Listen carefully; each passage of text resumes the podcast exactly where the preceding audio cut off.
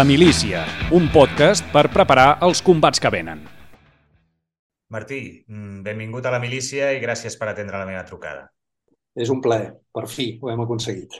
És un plaer per mi també i un honor comptar amb la teva presència. Eh, si em permets, et presento breument pels més despistats de, dels nostres oients.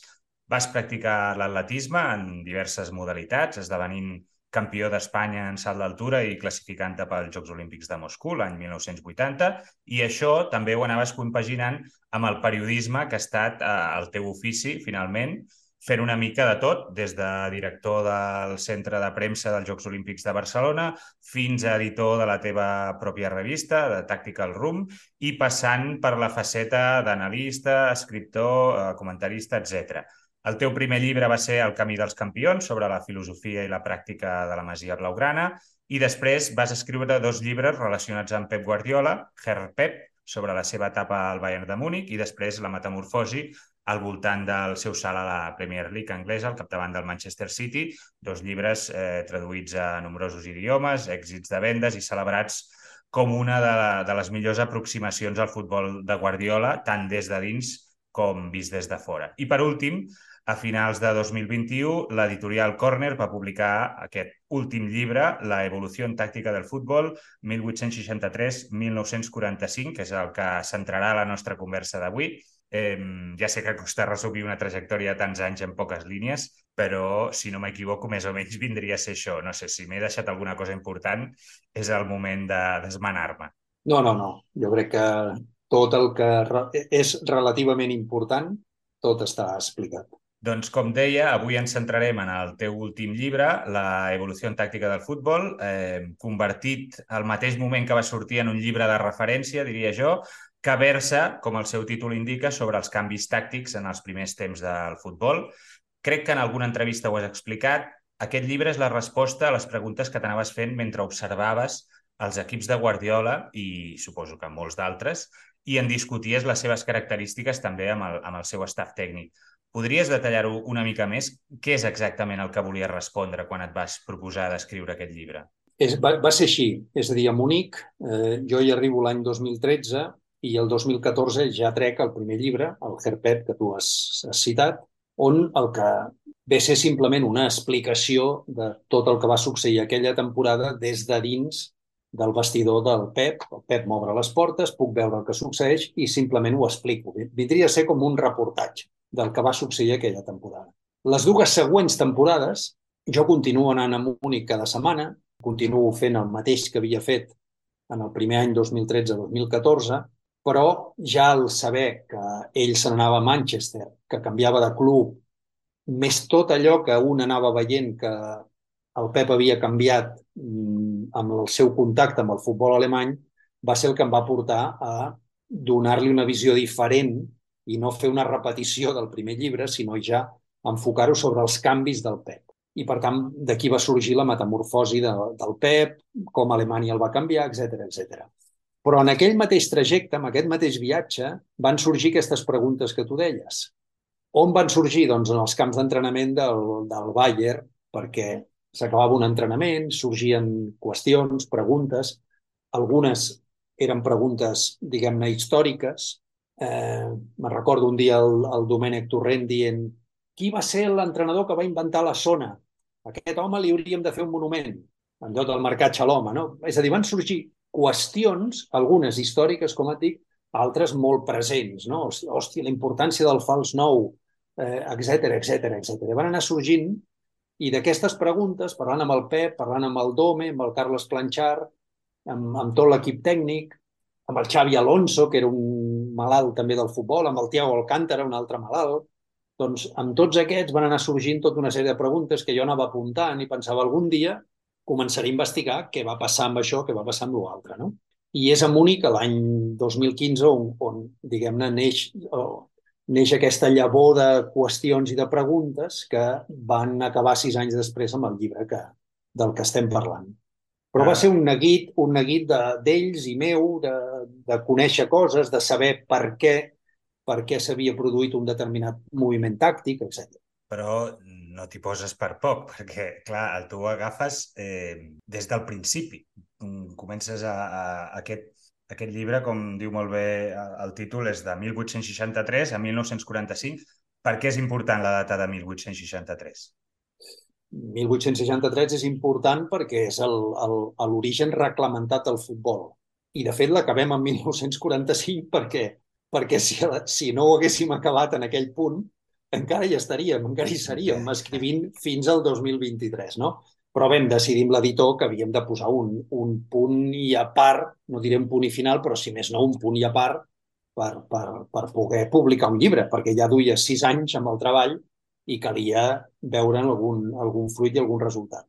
El futbol podem dir que com a no com a esport, sinó com a pràctica col·lectiva, s'inicia als segles 11, 12, 13. Jo no, no, no sóc historiador, no, no, no em conec les dates exactes.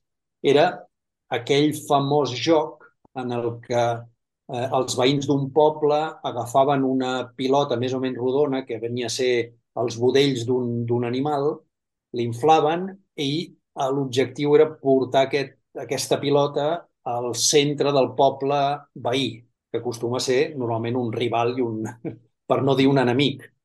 Eh, això mm, es desenvolupava doncs, permetent-ho tot i era una pràctica que per una banda era lúdica, però per l'altra era podia acabar fins i tot amb morts.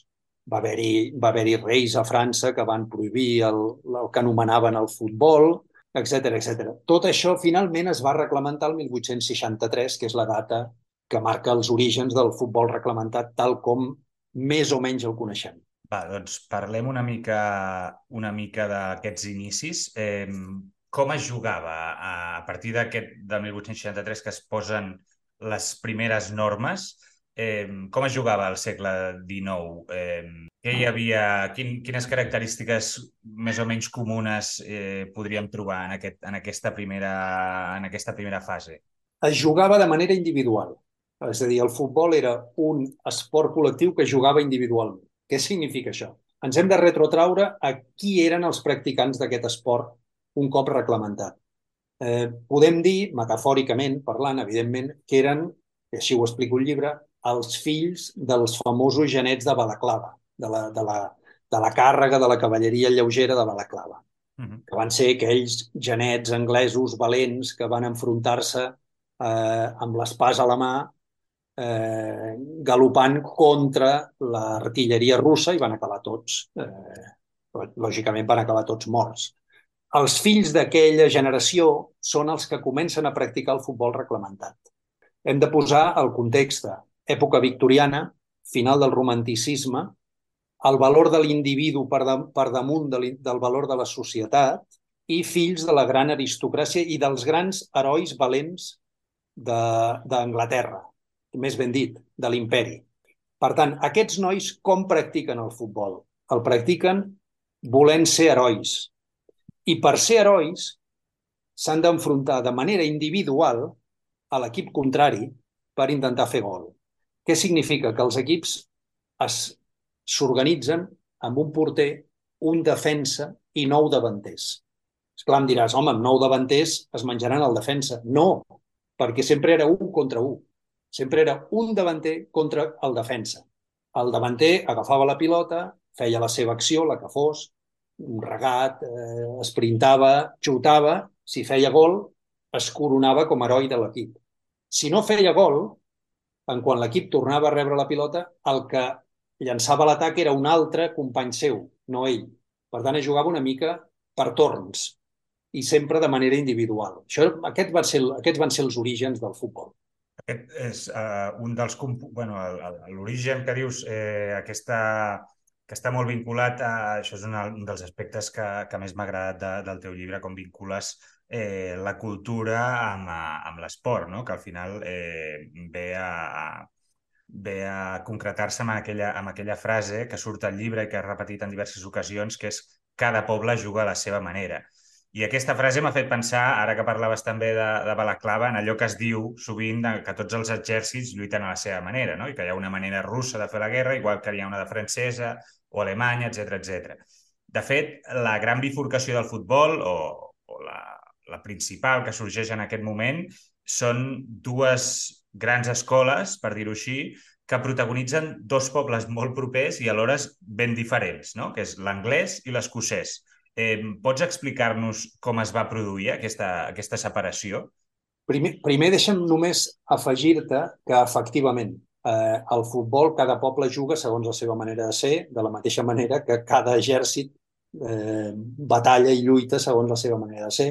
Tinc, tinc bastant avançat, però jo crec que editorialment serà molt difícil que això es pugui publicar cap dia, un assaig que es, que es titularia, en cas de que existís, eh, Guerra i futbol, parafrasejant Guerra i pau, evidentment, on intento trobar les grans similituds que el futbol ha desenvolupat extraient-les de l'art militar. És a dir, quan un llegeix eh, la manera de fer la guerra dels prussians, que seria, diguem-ne, l'ortodoxia militar que tots, von Clausewitz, etc etc, doncs és inevitable, absolutament inevitable, mm, pensar amb el joc de posició que el Cruyff o el Guardiola més endavant han anat practicant. És absolutament inevitable perquè eh, quan, quan llegeixes Clausewitz o llegeixes eh, la manera d'atacar de, de, de la Wehrmacht a la Primera i a la Segona Guerra Mundial, inevitablement acabes en el joc de posició, perquè hi ha una similitud profunda. Això que dius m'està agradant, agradant molt, eh? Aquest llibre, a mi, no sé a l'editorial, però a mi segur que m'interessaria. De fet, vull dir, quan dius això, ara vull dir, estic perdent el fil del que t'anava a preguntar, però quan parles d'això, eh, Clausewitz el que posa el valor és en la defensa i en canvi el joc de posició de Cruyff o de Guardiola més aviat és ofensiu, però jo sempre he tingut la, la, la visió de que en realitat eh, d'alguna forma eh, aquest, aquest joc de posició és defensiu a la vegada perquè el que fa és, és protegir-te, és a dir, el, el primer que fa és protegir eh, jo no m'explicaré en els termes futbolístics correctes, però a través de la conducció de la pilota el que fa és protegir la porteria eh, i, i a la seva manera és defensiu també, tot i que òbviament en el futbol, eh, no com a la guerra, vull dir que clar, aquí hi hauria la gran discrepància que és que en el futbol vull dir, guanya qui posa més gols, no? i a la guerra no, no té per què ser així, no? Però, però no sé si comparteixes aquesta idea defensiva sí, o no. Sí, però, però, però el Johan, si estigués viu, no sé si eh, no sé si et donaria la raó. Ell, sí, evidentment, sempre deia hem de marcar un gol més que el contrari, etc etc. però ell agafava la pilota i es defensava amb la pilota. I deia allò també típic de si jo tinc la pilota no, no la té el contrari. Uh mhm. -huh. I si parléssim amb el Pep, el Pep sí que no té cap dubte. El Pep es considera rotundament el millor entrenador defensiu del món, sense discussió. I els seus objectius sempre són defensius. El que passa que ell la seva visió de la defensa és estar molt lluny de la seva porteria, que és una cosa diferent. Sí, sí, sí. Està molt lluny del, del, del, de la seva porteria, però, evidentment, defensiu. Eh, per acabar amb això, amb aquesta digressió que jo també t'he provocat, evidentment, el llenguatge del futbol tindria una inspiració eh, profunda amb l'art militar des dels orígens, és a dir, les, des de les canonades fins, en fi, les destruccions dels rivals, etc etc etc. Bé, me n'he anat i perdona que me n'hagi anat per no, aquesta no, banda. Al contrari, estava la pregunta inicial que ha provocat tot això era aquesta distinció entre el futbol anglès, que seria directe, ara ens ho explicaràs tu bé, i el futbol escocès, que seria més Exacte. combinatiu. Eh, lligat amb el que tu deies, el, el, cada poble juga al futbol segons la seva manera de ser, els anglesos la, el practiquen el futbol tal com he explicat, els fills de Balaclava, el joc directe, individualista, i els escocesos, en contraposició, són un poble que eh, en el segle XIX han instal·lat cooperatives, mm, són solidaris, les, les, les feines amb les que, que, que diguem-ne, ells s'han de dedicar necessiten molt a l'esforç col·lectiu i comencen a practicar futbol el 1866 al, al, al, Queen, al Queen's Park, comencen a practicar-lo de manera solidària i col·lectiva. I el conceben des d'un punt de vista completament diferent al, a l'individualisme anglès. I ells consideren que el que han de fer és avançar col·lectivament. Inventen els triangles i comencen a avançar pel camp de tres en tres. Acostumen a fer-ho, doncs, un mig centre, el, el cara seria un mig centre, un lateral i un extrem, per entendre'ns. No? Comencen a avançar per la banda esquerra, per la banda dreta, es van passant la pilota, van avançant, i amb aquest estil de joc associatiu, que ells li diuen combination game, comencen a dir-li així, ells comencen arrasant amb els anglesos, malgrat que els anglesos són molt més forts, més ràpids, més alts, etc etc etc. I aquí comença la primera gran bifurcació que continua a dies d'ara. Mm, continua. Hi ha un joc directe anglès, que per cert s'ha anat deixant de practicar, gairebé ara comença a ser una relíquia, i un joc de passes escocès que triomfa a molts llocs i que a partir d'uns quants anys després, es deixa de practicar a Escòcia. Perquè aquesta seria una paradoxa que sí que aniríem trobant al llarg de la història, que és com els pobles juguen segons la seva manera de ser, però un cop han construït una identitat molt clara de joc, una identitat triomfant, evident, mm, molt nítida, que els identifica ràpidament, acaba passant quelcom i fa que aquell mateix poble abandoni aquella manera de jugar i s'abraci de vegades a maneres de jugar completament diferents o mixtes o híbrides o no identificables. I això ens, es va repetint. Amb el, primer, el primer cas va ser el d'Escòcia, però ho trobaríem amb Uruguai, ho trobaríem amb Àustria, ho trobaríem amb Hongria, etc etc etc. Ara que parlaves d'Uruguai, clar, un, un altre aspecte interessantíssim del teu treball és, és aquesta polinització no? dels, dels avenços, de l'evolució tècnica, tàctica eh, que té el futbol arreu del món. No? I, i això doncs, eh, es pot eh, palpar, per exemple, parlant d'Uruguai, doncs, tu expliques que el primer fals nou de la història és l'uruguaià José Piendivene, eh, l'any 1910 eh, el podríem situar. Llavors, eh, clar, suposo que eh, aquí, bueno, tu ho expliques al llibre, però m'agradaria que ho expliquessis, Um, com sorgeix aquest primer fals nou? A través de quines influències es desenvolupa el futbol uruguaià de manera que posi en, en, en, en pràctica aquest, aquesta primera figura, aquest primer fals nou de la història? Bé, a partir de, de finals del segle XIX, els anglesos, que ja organitzen la seva primera lliga, tot i que abans han, han organitzat la Copa, que és la competició més antiga, s'abracen a l'estil escocès. Alguns clubs s'abracen a l'estil escocès. Diuen, caram, aquest, aquest juguen molt millor que nosaltres i comencen a contractar jugadors escocesos, etc. I hi ha uns quants clubs a Anglaterra que comencen a practicar el joc escocès. D'altres continuen amb l'estil tradicional anglès. En tot cas, anglesos i escocesos comencen a fer de grans comercials del futbol arreu del món. Eh, qui són? Doncs normalment són marins de vaixells mercants, eh, professors, mm, comerciants, venedors, anglesos o escocesos que van arreu del món i que porten les regles del futbol, porten les pilotes desinflades i les inflen en, en, el, en el lloc on van i acostumen a jugar entre ells. És a dir, quan arriba un vaixell mercant a Barcelona, eh, els mariners d'aquell vaixell comencen, quan tenen uns dies de, de lleure, juguen partits de futbol al moll de, de Barcelona. Ells inflen les seves pilotes, posen les seves porteries, en fi, la manera rústica que sigui, mm. i juguen a futbol entre ells. I això, finalment, fa que els locals de cada indret eh, vegin, hosti, descobreixin el que és el futbol. Evidentment, on arriben els anglesos es practica el joc directe i on arriben els escocesos es practica el joc de passis. A Uruguai arriba John Harley, que és un eh, enginyer de ferroviari escocès, que primer arriba a Argentina, més, en, més endavant arriba a l'Uruguai, i quan el José Piendiveni, que és un xicot espavilat de Penyarol, veu, veu el, com juga el John Harley, descobreix un altre món.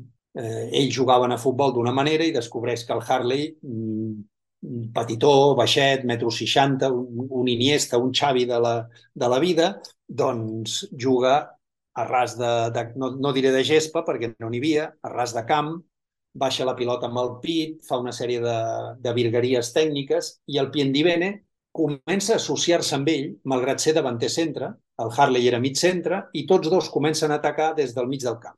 I per tant ell, el Piendivene té la intuïció de dir, si en lloc d'estar-me a l'àrea, que m'estan aquí marcant dos, dos llangardaixos alts uruguaians que no em deixen moure, començo a jugar des del mig del camp i a sobre avanço pel camp amb el Harley, que és una, una figura, doncs segurament faré més mal.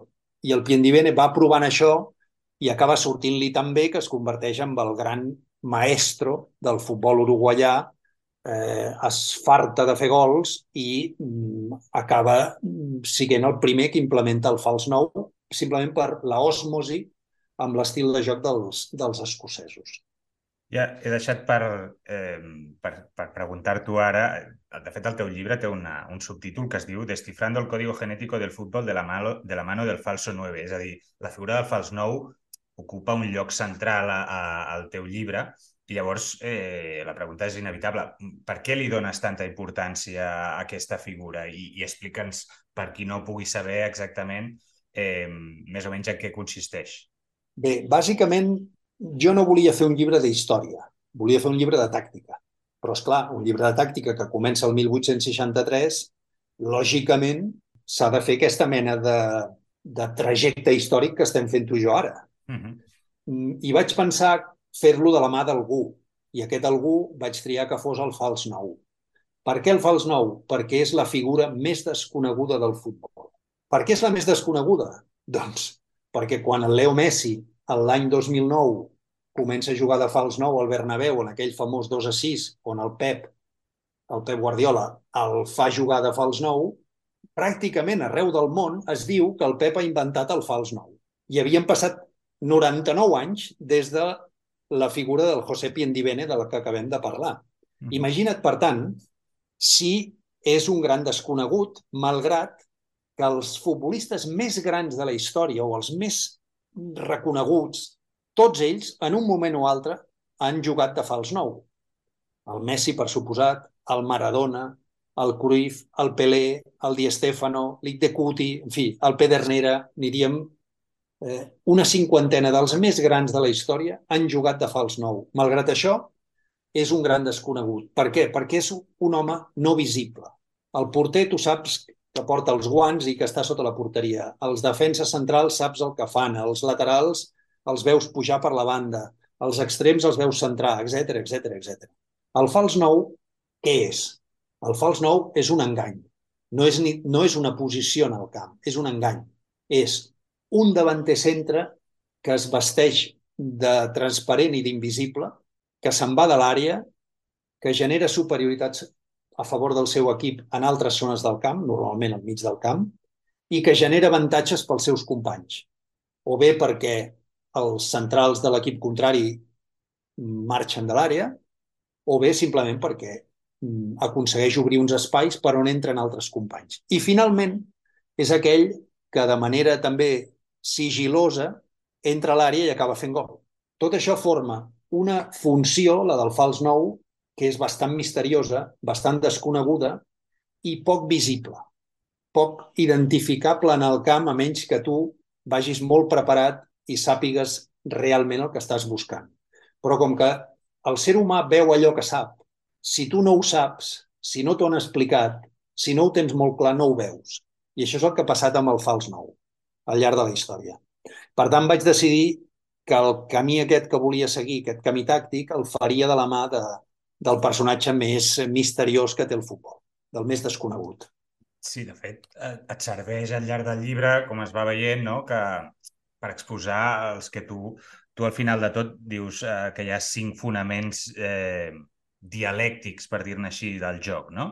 En aquesta etapa, posem de 1910 a 1939, que seria joc directe versus joc de passades, l'orientació eh, proactiva versus l'orientació reactiva, que d'això ja, ja en parlarem si de cas, eh, la passada a l'espai versus la passada al peu, els jugadors físics versus els jugadors tècnics i la formació ofensiva versus la formació defensiva. I això, amb el fals nou, no? et serveix igualment com, com això de la força bruta versus l'agilitat. Tot, el rato et serveix per fer aquest tipus de, de, de dialèctica.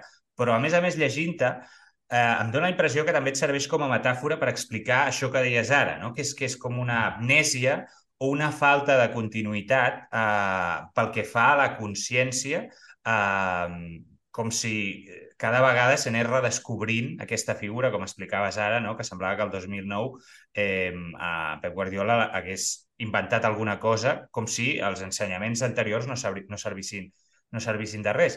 I això em porta, d'altra banda, una altra reflexió, si em permets, perquè tu expliques eh, que en aquell temps no hi ha consciència del fals nou, no? Deies això, que és una figura desconeguda, eh, de manera que es produeix aquest, aquest redescobriment constant. Però alhora, en certes zones, en certs equips, no?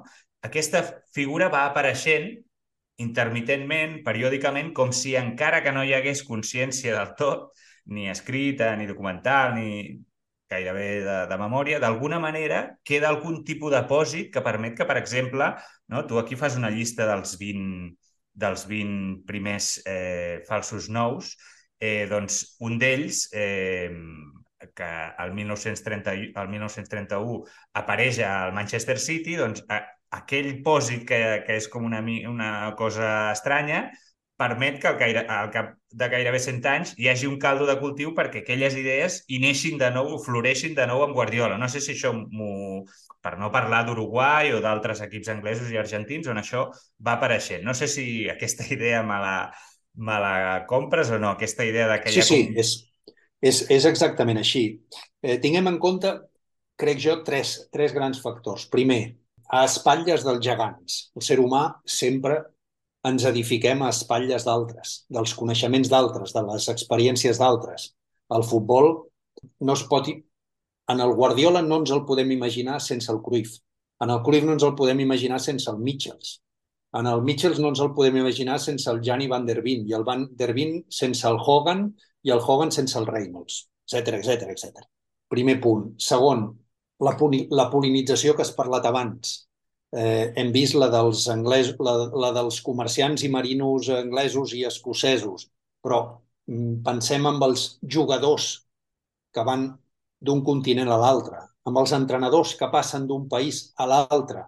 Són com abelles que agafen el polen del futbol de Nubià, de Budapest o de Viena i l'acaben portant a Buenos Aires i polinitzen el futbol argentí o uruguaià. I després, tercer punt, la liaison musical. Les coses acaben tenint sempre una relació en el cervell dels genis. Eh, quan Mozart fa, o quan Handel, o quan Beethoven composa una sinfonia o una peça, nosaltres l'escoltem de manera individual, però ell l'ha creat dins d'un context seu on una sinfonia està relacionada amb una altra fins i tot si ell en aquell moment no està pensant que està relacionat amb això. D'això n'he parlat fa 15 dies amb el Pep per parlar del John Stones, perdona que me'n vagi a un no, tema no, no. tan diferent, em quan ara estem veient a la, en la Champions League com el John Stones juga de mig centre i gairebé hem de dir que en lloc de ser un defensa que juga de mig centre és un mig centre que, que defensa i parlant amb ell li deia, tu quan estaves a Alemanya i vas fer aquell invent de ficar el Philip Lam de mig centre i agafar els dos laterals, que eren el Rafinha i l'Àlava, i ficar-los al costat del, del Lam per composar entre tots tres una mena de, de, de mur al mig del camp i que no et fessin contraatacs, tu tenies un plan, tenies una idea de com anar-la desenvolupant i aquesta idea ha acabat en el John Stones deu anys després i em diu, què dius? Jo, com vols que jo a Alemanya pensés això? Però després, parlant amb ell, dius, no, no, jo no ho vaig pensar mai, però és evident que el John Stones és fill d'aquella altra petita variació que vam fer i aquella variació va ser filla de l'anterior i l'anterior acaba arribant al Philip Lam fa 10 anys. Per tant, sí que hi ha una liaison que lliga les coses amb el món aquest evolutiu també del futbol. És indiscutible. Quan el Piendivene juga de fals nou a Penyarol, no té cap successor al cap d'uns anys. Ningú juga de fals nou a Penyarol al cap d'uns anys. Però, en canvi, quan han passat 15 o 20 anys, un antic entrenador que l'havia vist comença a practicar el fals nou amb altres jugadors dins de Penyarol. I al final de la història resulta que el Penyarol, la selecció d'Hongria i el Manchester City, amb 100 anys, han tingut un fotimer de falsos nous dins del seu equip i podríem dir gairebé sense saber-ho. Mm. Evidentment, el Pep Guardiola, que està al City ara, no sabia que l'any 31 va haver-hi l'Eric Brook va ser fals nou i el Fred Tilson no ho sabia, ni ningú li ha dit. Però els coneixements que hi han dins la cultura interna d'un club o d'un país o d'un poble acaben traslladant-se i acaben surant per tots aquests motius que he dit. I el principal per mi és aquesta liaison que acaba havent-hi. Si et sembla, tornem als inicis del futbol. Hi ha una frase que reculls, crec, de Juan Manuel Lillo, un entrenador, entrenador de futbol, eh, no sé si encara actualment, però que havia estat també treballant amb, amb Pep Guardiola i que va sí, ara, recordant... està, ara està de segon, ara està de segon del Pep altre cop, sí, des de fa una doncs, setmana. És una frase que va recordant al llarg del llibre, que és que el reglament és el llibre tàctic més important del futbol. Eh, per tant, com afecten els canvis en el reglament en com es, com es juga, sobretot eh, posant el, el focus en aquesta, en aquesta època que balla entre finals del 19 principis del 20, quins canvis hi ha o com, com configura el joc aquest, aquest reglament? El reglament és el principal motor dels canvis. És el, el, el, el que ho canvia tot. Ara et respondré la pregunta, però deixa'm anar al moment actual.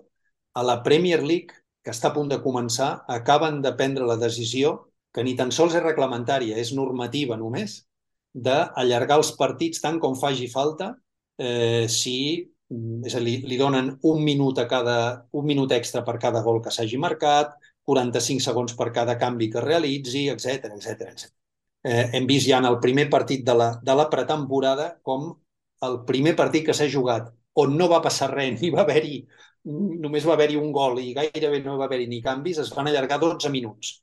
Què significa això? Significa que els equips importants que jugaran cada 3 dies un partit, jugaran aproximadament uns 20 minuts més cada partit. Això vol dir que si tenen la mala sort d'haver de jugar una pròrroga en una competició europea entre mig de setmana, que ja durarà no 30, sinó probablement 35 o 40 minuts, i al cap de setmana han de jugar-ne 20 més extras, vol dir que a final de mes aquesta gent haurà jugat un partit més, o dos, o un i mig.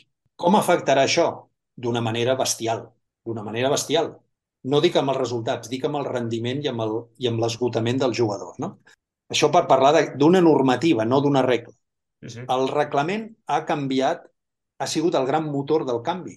El reglament va començar dient que no li podies passar la pilota amb un company perquè, estava, perquè, perquè es considerava que si li passaves la pilota amb un company era un fora de joc. Bueno, això va durar 10 minuts. Ho van, ho van canviar aviat. Quan, quan la regla, per exemple, el 1925 del fora de joc va passar de tenir tres rivals que t'inhabilitaven el fora de joc a només tenir-ne dos, que és la regla actual, que el tu porter, no estàs en fora de joc. i un altre jugador. El porter i un altre. Abans era el porter i dos més. Uh -huh.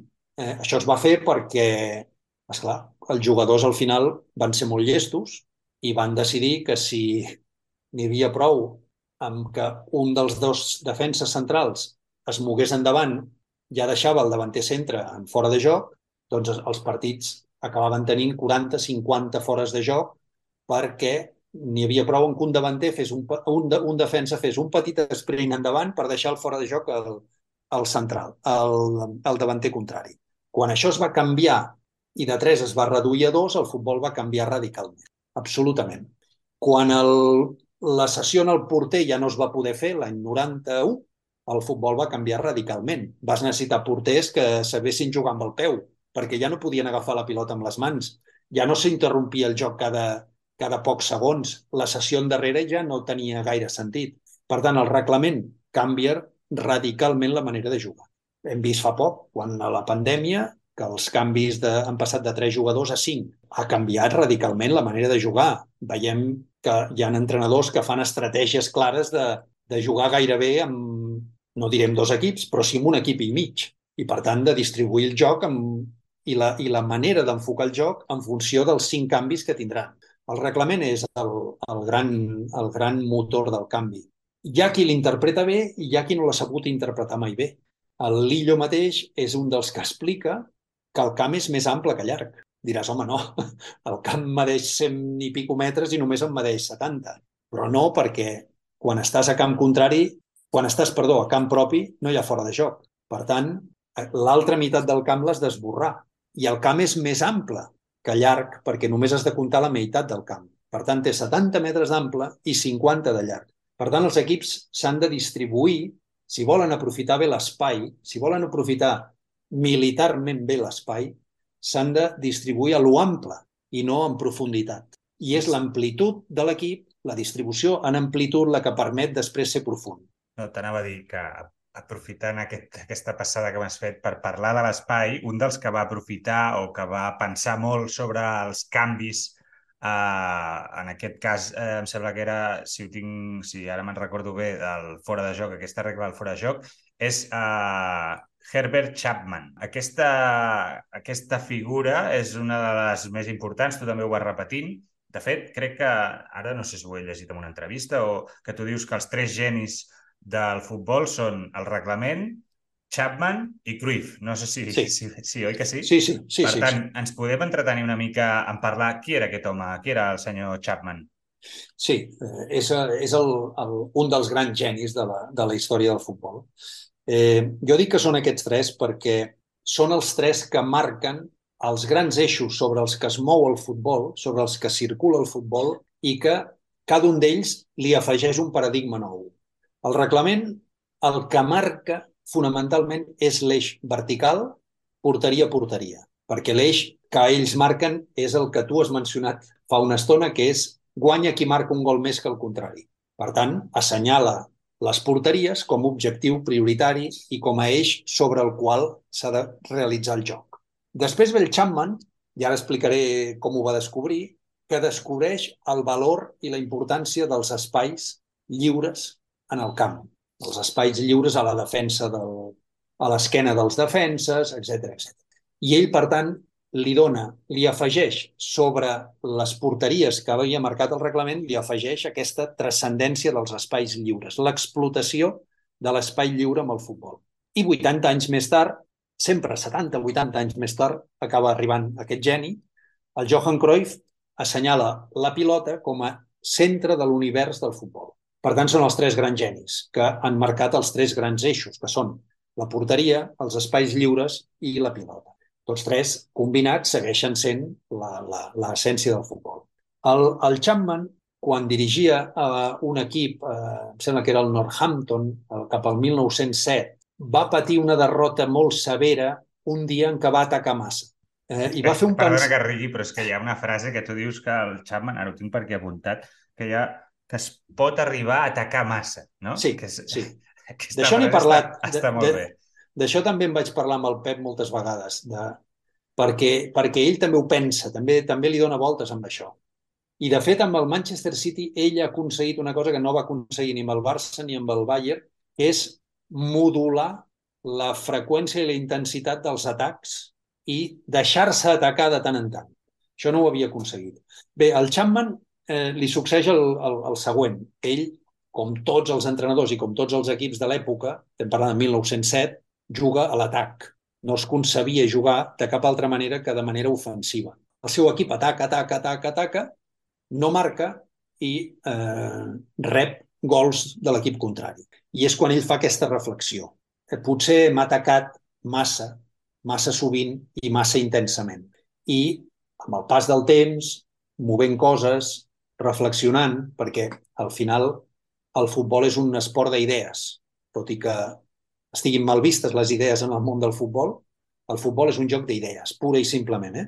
Eh, al final el Chapman acaba trobant que atacar massa pot ser perjudicial pel seu equip i que de tant en tant li convé enganyar el contrari fent veure que no vol atacar, perquè el contrari s'avanci, deixi espais lliures a la seva esquena i aprofitar i explotar aquests espais lliures.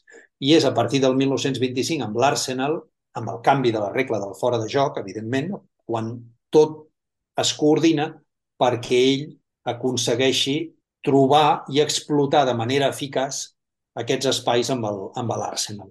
Comença a jugar amb, amb, amb, amb extrems a cama canviada i amb uns mitcentres que fan unes passades molt bones en diagonal a l'espai lliure i les aprofiten als seus extrems i és ell qui descobreix el, el valor dels espais que avui, en fi, avui qualsevol entrenador parla de la importància dels espais, no? però és de l'any 25. I aquí hi ha la idea aquesta que deia abans eh, de la, del futbol reactiu, que no defensiu, no, ben bé, no és ben bé el mateix, no? Aquesta, aquesta Sí, eh, diguem-ne que el futbol, un cop, un cop ha, ha passat la, la, la dicotomia aquesta anglesos-escocesos, joc directe, joc de passis, eh, comença a organitzar-se. S'organitza amb un eix ofensiu, que és el que, fins això que explico del Chapman, és l'únic que hi ha, que és tothom atacar, tothom atacar, per la via escocesa, per la via anglesa, però tothom a atacar, fins que, evidentment, per reacció humana, simplement per reacció humana, per m'han fet masses gols, he perdut masses partits, eh, sóc inferior al rival, etc etc. començo a defensar-me i començo a trobar una altra orientació, que és l'orientació defensiva. Al principi s'organitza simplement per acumulació de gent, com, com, fem, com fem tots, quan ens trobem atacats, ens, ens ajuntem. És a dir, quan, quan, quan una massa de manifestants és atacada per la policia, normalment o, o fuig o s'aplega i es junta i, i s'intenta compactar com, com la formació tortuga de les legions romanes. Més endavant, cap als anys 30, ja arriben estructures organitzatives defensives ja serioses. No? El, el Karl Rappen, un austríac, inventa l'Eberru, que és el, el, el pany forrellat, i comença a, a defensar-se organitzadament fins que això ja desenvolupa amb el catenatge, etc etc molts anys després.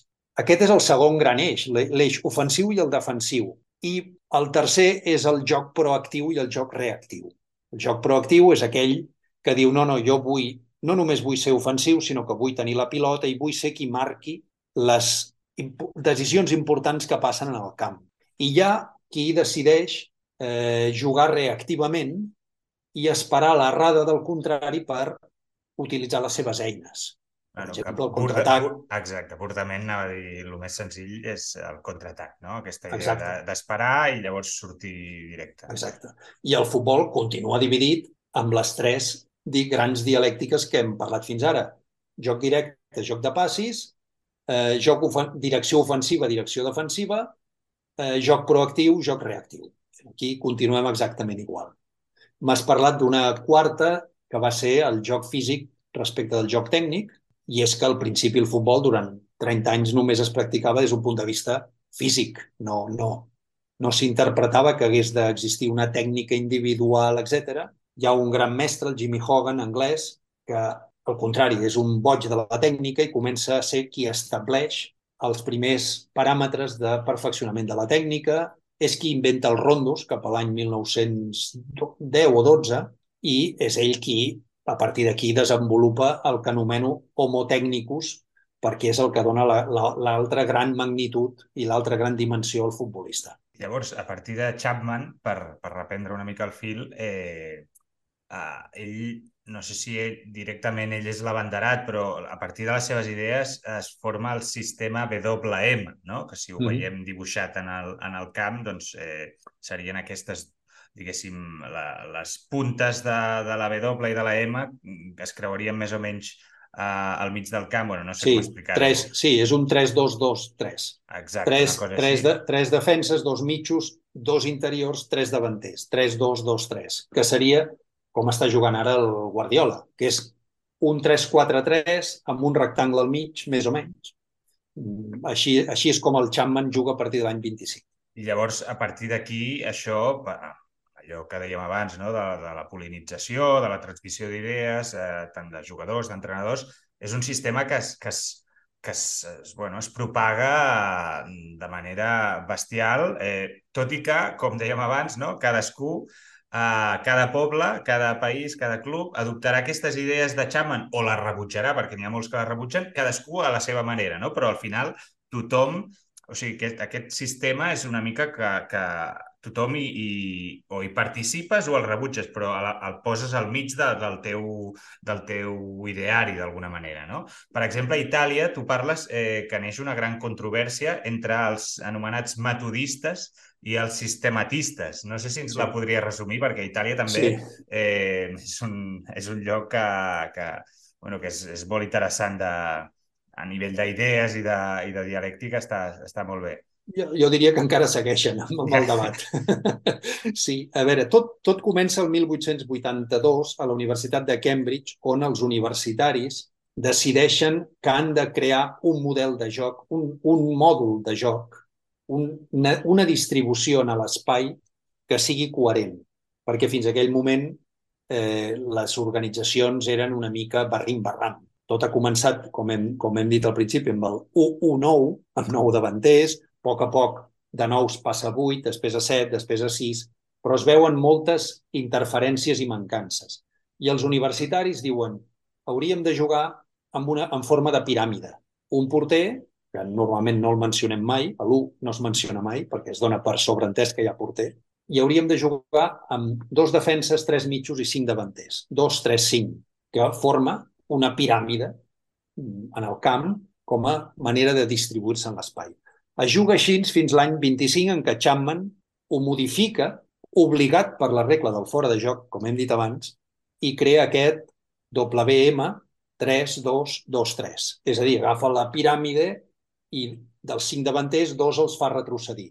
Uh, dels tres mitjos, un el fa retrocedir i, diguem-ne, que modula aquella antiga piràmide. I en contraposició, els italians, que són molt seus, modulen la piràmide d'una altra manera. En lloc de fer 3-2, 2-3, fan 2-3, 2-3. És a dir, juguen amb dos centrals, tres mitjos, dos interiors, tres atacants. Per tant, són dues maneres diferents de modificar la vella piràmide. Però són els tres grans mòduls a partir dels quals neix tot el més. Si em permets, jo sempre haig de tornar al Guardiola, però és que em sembla un, un, un exemple molt interessant. L'any 2015, ell juga un partit amb el Bayern contra el Colònia, a Múnich, i juga 2-3-5 juga en piràmide. I aquell vespre, jo que ja estic amb el, com hem parlat abans, ja estic amb les preguntes de, de què ha passat en l'evolució històrica, li pregunto sopant amb el Pep, tu coneixies lo de la piràmide de Cambridge? I em diu, no, què és? Li explico així per damunt i diu, doncs pues no, jo ho he fet intuïtivament. És a dir, que 125 anys després dels universitaris de Cambridge, el Pep té el mateix pensament. Intuïtivament, i en un context radicalment diferent. I avui en dia el Pep utilitza bàsicament tres sistemes de joc. La WM, el mètode italià i la piràmide. Són els tres que utilitza. I va passant de l'un a l'altre sense, sense continuïtat de l'un a l'altre simplement per intuïció, perquè ha anat trobant-se còmode amb aquests tres sistemes de joc. De fet, em va bé perquè també era una, una cosa que et volia preguntar que més o menys ja ho has, ja ho has respost, no? que és aquesta idea de bueno, tu has conviscut amb un, amb un equip tècnic d'elit, eh, com és el de Guardiola, i llavors, eh, a banda del coneixement tàctic, eh, que el dono per descomptat, eh, no sé si és habitual que es cultivi en aquest tipus d'entorns de, el coneixement històric del futbol, no? que és una cosa que tu també, vull dir, ara ho has anat, ho has anat dient que en realitat eh, el Guardiola no tenia ni idea no? de la piràmide, però ho dic perquè, eh, perquè això és una de les constants del llibre, no? que hi ha com una, de, un esborrament que, bueno, que el teu llibre contribueix a, a, a reduir pel que fa a aquesta, a aquesta transmissió del coneixement sobre, sobre la tàctica, no? I, i, i és curiós que es vagin repetint coses, suposo que al final el futbol vull dir, té, té les característiques que té i llavors vull dir, és el que dius tu en algun, en algun moment, no sé si al llibre o en una entrevista que està tot inventat, no? Però, però no sé si, a banda de que ens diguessis no, la piràmide no la coneixia, però, però hi, ha, hi ha la intenció de, de, de furgar en el passat per treure coses en, en, aquest, en aquests nivells o no? No, en, en general no. En general no. Mm, primer perquè tenen els entrenadors actuals tenen molt poc temps per dedicar-s'hi però després les escoles d'entrenadors no fan res per, no diré per ensenyar història, que és un altre, és un altre tema. La història és un altre tema. Però per, per explicar d'on venim, per què es fan les coses, sí que, conec, sí que convé conèixer l'evolució. Perquè si tu no coneixes tot això que estem parlant, potser un geni com el Pep pot arribar a tenir intuïcions i idees que ja van tenir altres. Però molts altres entrenadors no hi arriben amb aquest, amb aquest nivell de geni i no arriben amb això i es queden navegant en un cercle viciós del que no, del que no poden sortir. Jo he explicat diverses vegades que penso que les escoles d'entrenadors arreu del món haurien d'ensenyar evolució tàctica. Per tant, d'on venim i cap on anem i cap on podem anar. Per què juga d'aquesta manera? Per què les coses són com són? Perquè si el futbol és un joc d'idees, com, com t'he dit, que està influït pel caràcter dels pobles i per moltes altres disciplines, hem vist la, la militar, entre d'altres, aleshores convé saber per què som on som i per què les coses es fan com s'estan fent.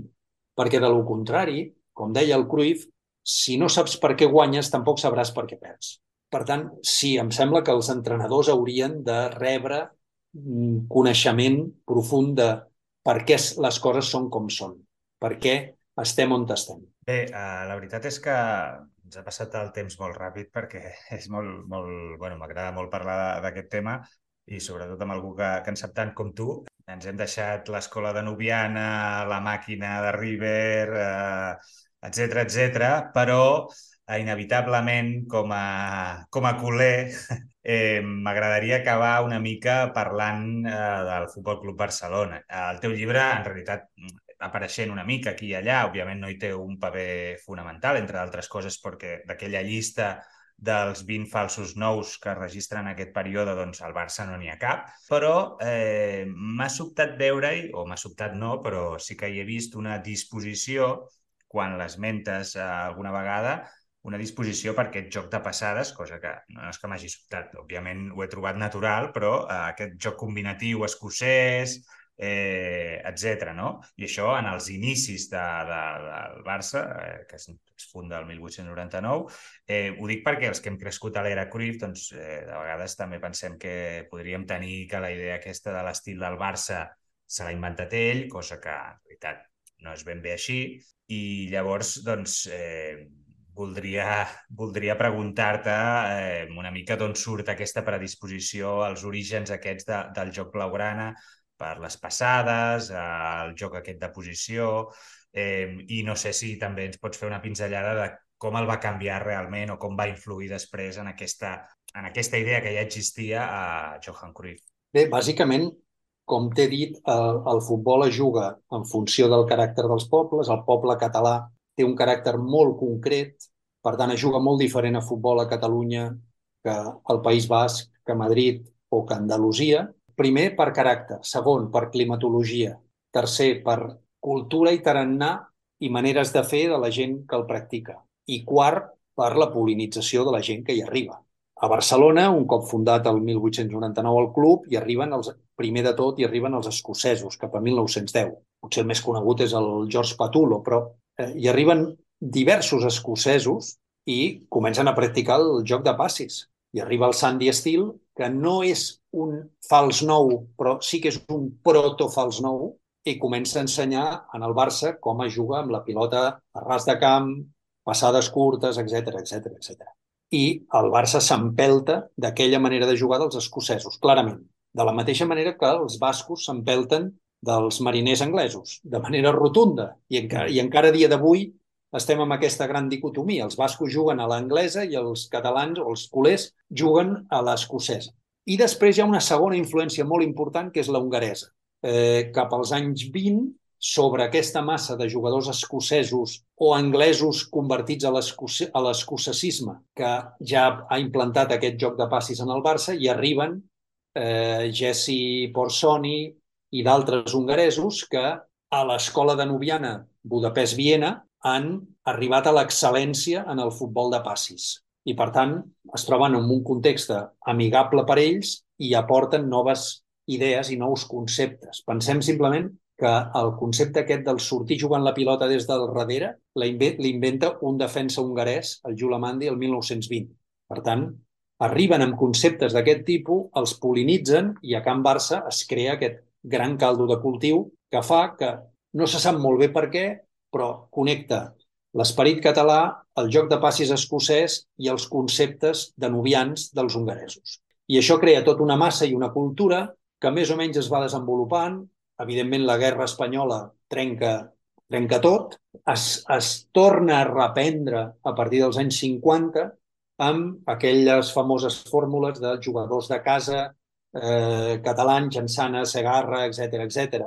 Més jugadors de fora que marquin diferències, arriba l'Assi Kubala, hongarès, escola de Nubiana, amic del Puskas, etc etc. tot torna a connectar-se, passen uns quants anys de ferro i de plom on el Barça va perdut, fins que arriba el Johan, i el Johan, que és fill de l'Ajax, que ho ha mamat tot des de dintre amb el Rinus Michels, que l'Ajax ha mamat del Jack Reynolds, que és un escocès que ha ensenyat des dels 1908, ha ensenyat com s'ha de jugar l'espai i els extrems, etc etc. doncs el Johan simplement fa la, és la, la, la catarsi de, de 80 o 85 anys previs on al Barça ja existia aquest caldo de cultiu. Se n'hi diu joc de posició doncs perquè intel·lectualment ja s'ha creat un, s'ha realitzat un constructe que ja el podem anomenar d'alguna manera, ja té nom, però de fet simplement reuneix tot això que t'acabo d'explicar. El Johan intuïtivament ho aplica, el Bangal li, li afegeix metodologia, el Seirulo li afegeix intel·lectualització i el Pep li afegeix mm, el seu talent innat, jugadors creats a la Masia, tots en la mateixa eh, sintonia i al final acaba sorgint el, el miracle aquell que va sorgir. I un fals nou, que era el meu ídol de, de petit, el Michael Laudrup, que era sí. Un jugador increïble. Bueno, me'n recordo que aquelles passades que feia, vull dir, és, és un dels... Vull dir, en l'època moderna potser és el fals nou mm, més paradigmàtic en el... Sí, primer... dels primers temps, eh? sense deixar sí. ja Messis i coses així, que sí, ja sí. és... Sí, sí, és, de fet és el Laudrup, més que, més que això que dius, és gairebé l'últim fals nou clàssic del segle XX és gairebé l'últim, si, no, si no estic errat és l'últim, no? Els anys 90, principis dels 90, em sembla que després ja no n'hi ha cap més perquè el futbol en general entra en una, en una etapa de plom i de, i de fang, als anys 90 bastant horrorosa. Però el Laudrup sí, és la culminació de tota una sèrie de falsos nous. Hi ha una època d'or meravellosa, que és l'època Pelé, Bobby Charlton, Eusebio, i Stefano, Raymond Copa, me'n deixo algun, però vull dir, imagina't tu quins, eh, quins, quins mags del futbol, no? Que és una època gloriosa. Després, clar, la gran dialèctica Johan Cruyff, Gerd Müller, dels anys 70, dos falsos nous al front de dos dels equips més meravellosos de la història. No? Mm-hmm. Eh, després hi ha alguns altres i finalment això desemboca amb el Michael Laudrup, que és una meravella. I després venen molts anys de, de desaparició de tot això fins que el, el, el Toti a la Roma, una mica de tant en tant el Guti al Real Madrid i finalment el Messi eh, el 2009 és quan, quan desenvolupa i ara ja és bastant més, més habitual veure falsos nous en molts equips. Que veig eh, encara portes la llista, eh? sembla que... Sí, sí, la tinc, la tinc, la tinc. La vaig actualitzant. Està està bé. Bueno, doncs uh, ho deixarem aquí. Uh, ha estat un autèntic plaer. Ja dic, seguiria molta estona, però hem de posar algun límit eh, perquè també, com el futbol, doncs hem de posar alguna... Si no, si, si el camp fos etern, no? Si, si, no, si no hi hagués uh, un lim unes limitacions, unes delimitacions, doncs al final no, no, no hi tindria, no hi hauria joc, no? Seria aquesta la idea. Per tant, eh, doncs agrair-te que ens hagis acompanyat a la milícia i, per cert, no sé si podem anunciar que ben aviat hi haurà un llibre, sense donar sí, més notícies. Sí, sí, sí, home, jo crec que sí, sí, sí. He acabat ara, eh, en paral·lel amb aquest, doncs vaig seguir anant a Manchester, veient el Pep, seguint-lo, etc etc. I, i aquest any, quan, quan ha aconseguit el triplet, doncs finalment hem tancat la, el tercer llibre sobre ell. Encara no té títol, però en fi, és el, els set anys del Pep a, els set anys del Pep a Manchester, no? el retrat d'una coronació culminada amb aquest, amb aquest triplet i que tam, per mi també significa una mica ja el punt i final, no? fer la trilogia, sí. que sembla que la trilogia sembla que s'ha de fer... De... Bueno, que no passi com a Star Wars, eh? que després, que després va allargar. Sí, sí, sí. I ara em queda, bueno, pues, publicar-lo, espero que es publiqui octubre, novembre, eh, català, castellà, anglès, etc etc, presentar-lo i, i després no sé si no sé en què treballarem, ja veurem. Segur que, ja segur que van, sorgint, van sorgint idees. Jo ja sé que, vull dir, alguna altra vegada t'ho han comentat, a mi veure una segona part d'aquest llibre, també el de l'evolució tàctica del futbol, doncs també m'agradaria i aquest de, aquest que tanca la trilogia del Guardiola doncs eh, el llegirem eh, amb molt d'interès com sempre i ja està, això seria tot. Moltes gràcies Martí. Un plaer, Josep. Moltes gràcies a tu. Fins a la propera i als oients també. Doncs això, eh, gràcies per escoltar-nos.